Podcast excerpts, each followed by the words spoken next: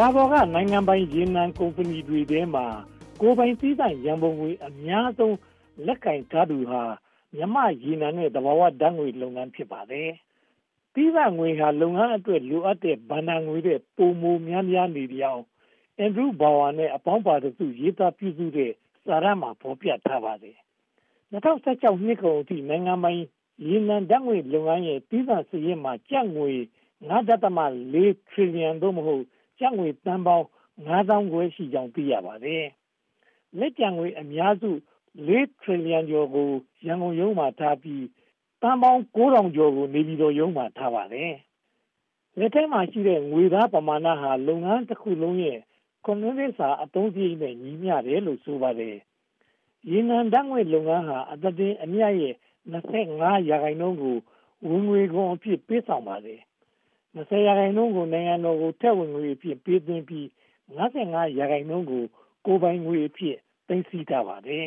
။ဘယ်စည်းမျဉ်းအရ ဒီလိုခွဲဝေသုံးစွဲတယ်ဆိုတာကိုတော့ ဖော်ပြနိုင်ခြင်း မရှိဘူးလို့ ဆိုပါတယ်။ကမ်းလွန်တန်းငွေကရတဲ့ အမြတ်ငွေအပေါ်မှာ အခြေခံပြီး ပေးသွင်းနေပုံရပါတယ်။ကုန်းတွင်းရေနံလုပ်ငန်းဟာ အရှုံးပေါ်နေတာမို့ အခွန်ဆောင်နိုင်ဖို့မရှိပါဘူး နိုင်ငံပိုင် ရေနံဓာတ်ငွေ့လုပ်ငန်းရဲ့ ဝင်ငွေကိန်းဂဏန်းကို ပွင့်ပွင့်လင်းလင်းစီစစ်နိုင်ဖို့ ခက်ခဲတယ်လို့ ဆိုပါတယ်။ရေနံဓာတ်ငွေ့လုပ်ငန်းရဲ့ ဘတ်ဂျက်ဦးစီးဌာနကပေးတဲ့ ဝင်ငွေခွန်နဲ့ ပြည်တွင်းအခွန်ဦးစီးဌာနက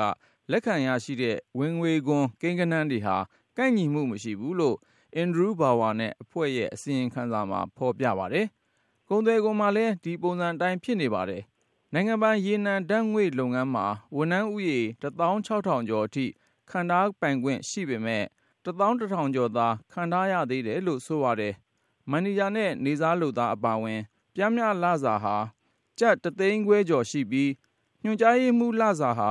ကျပ် ၅ သိန်းနဲ့ အခြားခံစားခွင့်တွေ ရှိပါတယ်။ပင်စင်အတွက် ကုန်ကျစရိတ်ဟာ ဝန်ထမ်းလစာ ကုန်ကျစရိတ်ထက်လေးဆလောက် ပိုများနေတယ်လို့ သိရပါတယ်။ဒါပေမဲ့ အပြည်ပြည်ဆိုင်ရာက နိုင်ငံပိုင်လုပ်ငန်းတွေမှာပြီးတဲ့ လစာနဲ့ နှိုင်းယှဉ်ရင်တော့ မြန်မာရေနံဓာတ်ငွေ့လုပ်ငန်းရဲ့လစာငွေဟာမဖြစ်စလောက်ပါ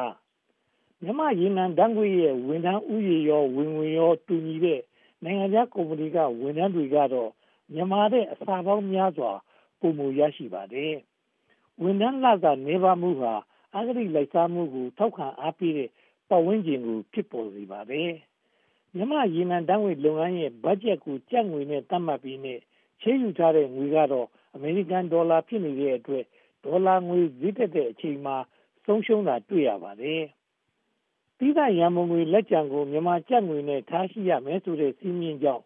ရန်ပုံငွေတန်ဖိုးဟာ နှစ်စဉ်လျော့နေနေပြီး ဒေါ်လာသန်း2000ကျော် ဆုံးရှုံးနစ်နာခဲ့ရပါတယ်။နိုင်ငံပိုင် မြန်မာရေနံဓာတ်ငွေလုပ်ငန်းမှာ ကမ်းလွန်ဓာတ်ငွေရောင်းချမှုကြောင့် ကိုယ်ပိုင်ရန်ပုံငွေ အများအပြားရှိပေမဲ့ နှစ်ပေါင်းများစွာ ငွေကြေးအမြောက်အများ ချေးယူခဲ့တာကြောင့် ပေးဆပ်ရမယ့်ချေးငွေ ကျပ်1.7ထရီလီယံ သို့မဟုတ် ကျပ်သန်းပေါင်း2သန်းနီးပါး ရှိနေပါတယ်။ချေးငွေအများစုဟာ နိုင်ငံခြားအစိုးရတွေကို ပေးဆပ်ရမယ့် အကြွေးတွေ ဖြစ်ပါတယ်။တရုတ်အစိုးရရဲ့ ဖွံ့ဖြိုးရေးဘဏ်ဟာ မြန်မာနိုင်ငံရဲ့ အကြီးဆုံးမီရှင်ဖြစ်ပြီး2019မတ်လစီရင်အရ ကျပ်ငွေ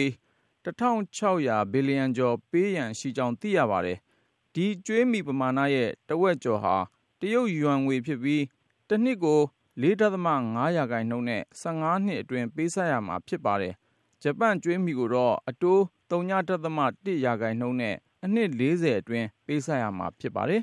။အိန္ဒိယကို ပေးဆပ်ရမယ့်ကျွေးမီကလည်း တရုတ်ထက် အတိုးတက်တာပါတယ်။1.85ရာခိုင်နှုန်း အတိုးပေးပြီး25နှစ်အတွင်း ပေးဆပ်ရမှာ ဖြစ်ပါတယ်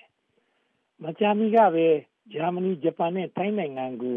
ကျွေးဆက်ခဲ့ရပါသေးတယ်။အကျွေးထူလေအတိုးများလေမှုပေးဆက်ရတဲ့အတိုးတွေလည်းပြည်ပြည်သားသားများပြားလာတာတွေ့ရပါတယ်။2014မှာကျပ်ငွေ82ဘီလီယံ2015မှာ86ဘီလီယံ2016မှာ89ဘီလီယံ2019မှာ83ဘီလီယံအတိုးကြီးပေးခဲ့ရပါတယ်။တရုတ်ကိုဒေါ်လာတန်3800နဲ့ဂျပန်ကိုဒေါ်လာတန်2100ပေးဆက်စရာရှိနေပါတယ်။ မြန်မာကျပ်ငွေတန်ဖိုးကျဆင်းလာတာဟာလည်းပေးဆပ်ရမယ့်ငွေပမာဏကိုတိုးပွားစေပါတယ်။ချေးယူစဉ်ကဒေါ်လာကျပ်တစ်ထောင်ဖြစ်ပြီးမြဲပြန်ဆက်ချိန်မှာ1500ဖြစ်လာတဲ့အတွက်ကျွေးမီဟာတိုးပွားနေပါတယ်။ဒေါ်လာသန်း9000ကျော်ကျွေးတင်ပြီးမြဲမြန်မာအစိုးရမှာကျွေးဖိစည်းမှုမရှိဘူးလို့မနစ်ကထုတ်ဝေတဲ့ IMF နိုင်ငံတကာငွေကြေးအဖွဲ့ရဲ့ကျွေးမြီအကဲဖြတ်ချက်စစ်တမ်းမှာဖော်ပြထားပါတယ်။ စစ်အစိုးရဆင်းပေးလိုက်ချိန်ကစပြီး နိုင်ငံခြားကျွေးမြီပမာဏဟာ တိုင်းပြည်အသွင် ထုတ်လုပ်မှုရဲ့16ရာခိုင်နှုန်း ဝန်းကျင်မှသာ ရှိနေကြောင်း သိရပါတယ်ခင်ဗျာ။